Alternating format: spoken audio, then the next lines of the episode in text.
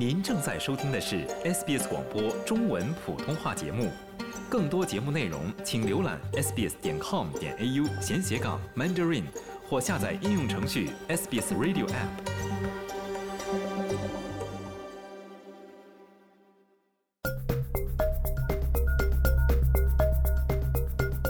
听众朋友们，下午好，我是 SBS 记者秋实。本期 SBS 新闻快报带您快速了解澳大利亚旅游局访华促进旅游业的相关消息。澳大利亚各州将在本周针对中国市场展开一场有关促进旅游业的市场营销活动，目的是让世界上最大数量的消费者重新回到澳大利亚。一个包括澳大利亚旅游局总经理菲利普·哈里森在内的代表团于周日晚抵达中国广州。这是澳大利亚旅游业在疫情后的首次大规模行动，试图重振对中国的旅游业。哈里森说：“中国对澳大利亚的旅游经济非常重要，这就是为什么这次与旅游业和商业领域的领导人会面是如此重要，因为我们非常欢迎中国游客的回归。中国曾是澳大利亚最大的旅游客源地，也是澳大利亚经济的支柱，每年的消费峰值达到了一百二十四亿澳元。”尽管中国在一月份重新开启边境，但来澳大利亚旅游的中国游客数量仍然远低于疫情前的水平。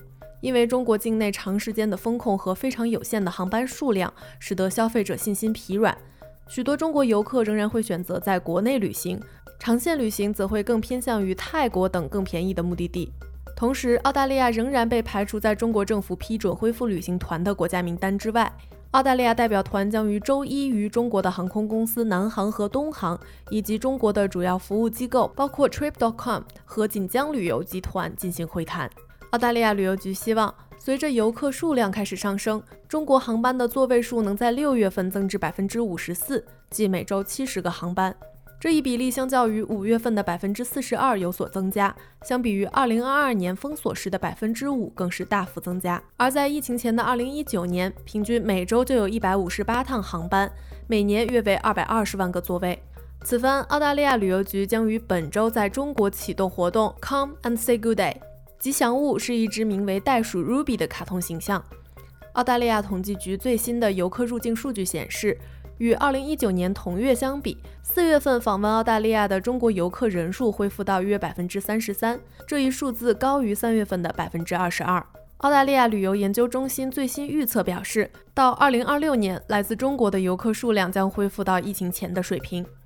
好了，感谢您收听本期的 SBS 新闻快报，在任何播客平台搜索 SBS 普通话，点击订阅，开启消息提醒，即可了解澳洲国内外新闻及社区信息。喜欢、分享、评论，欢迎您在 Facebook 上关注 SBS 普通话页面。